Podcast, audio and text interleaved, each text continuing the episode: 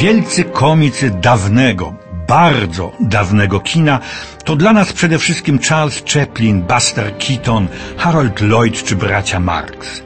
Zapominamy tego, który był ich mistrzem, wzorem, nauczycielem, pierwszym wielkim komikiem nowej dziesiątej muzy.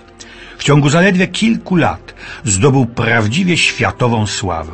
Bawił, rozśmieszał, zachwycał publiczność na wszystkich kontynentach, a widzowie go podziwiali, uwielbiali, kochali.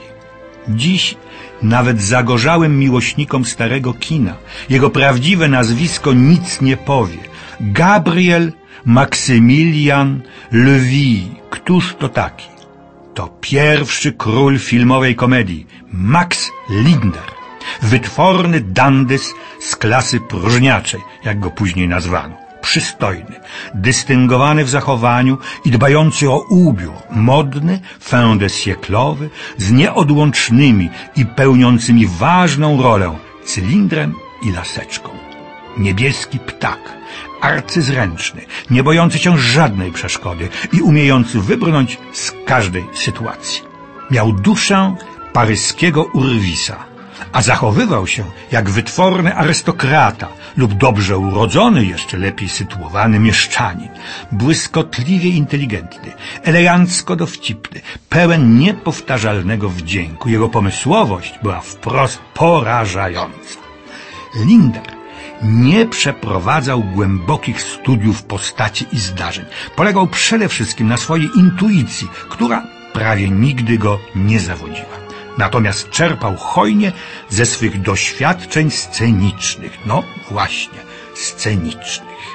Max Linder urodził się w 1883 roku. Mając 17 lat, przerwał naukę i podjął studia aktorskie.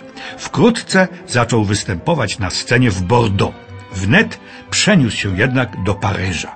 Grał drugoplanowe role w popularnych melodramatach. Jednocześnie, i to okazało się najważniejsze, podjął pracę w wytwórni filmowej Pathé.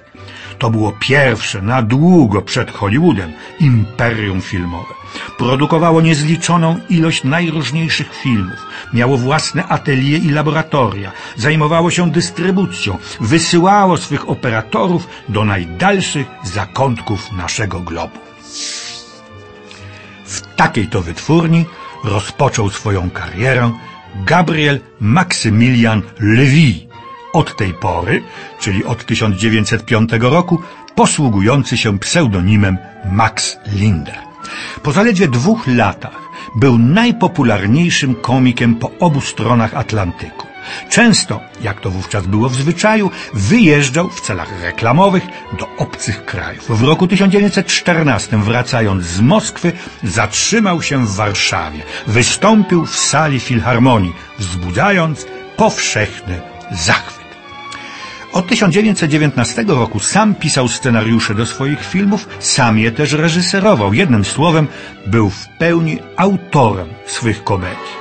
Poza uroczymi bon vivantami, czarującymi nic poniami, grał także automobilistów, narciarzy, żeglarzy, pilotów, wybornych tancerzy, specjalność argentyńskie tango, nawet płomiennych torreadorów. Często w jego filmach pojawiają się też lekarze, Max składa im wizyty, zasięga porad, słowem ma problemy ze zdrowiem. Niestety miał Max Linder naprawdę problemy ze swym zdrowiem. Chorował od dziecka, nieustannie. Mało kto o tym wiedział. Wszak na ekranie demonstrował niezwykłą sprawność fizyczną, dawniej mówiło się tężyznę fizyczną, żywiołowość, pogodę ducha, uśmiech, radość a jednak to chorobowe fatum wisiało nad nim jak zmora. Jego częste choroby powodowały przerwy w pracy, a trzeba wiedzieć, że realizował on nieraz nawet jeden film dziennie. Więc każda przerwa w realizacji kolejnego filmu wprawiała producentów i właścicieli wytwórni, no mówiąc łagodnie, w lekki popłoch. Był wszak Max Linder najpopularniejszym, czyli najbardziej dochodowym aktorem Pathé ale i tak znajdował się Max Linder w roku 1914 u szczytu sławy. I wtedy wybuchła pierwsza wojna światowa. Max Linder został zmobilizowany.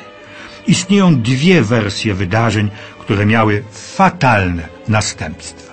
Pierwsza, bardziej prawdopodobna brzmi: Max Linder został ofiarą niemieckiego ataku gazowego.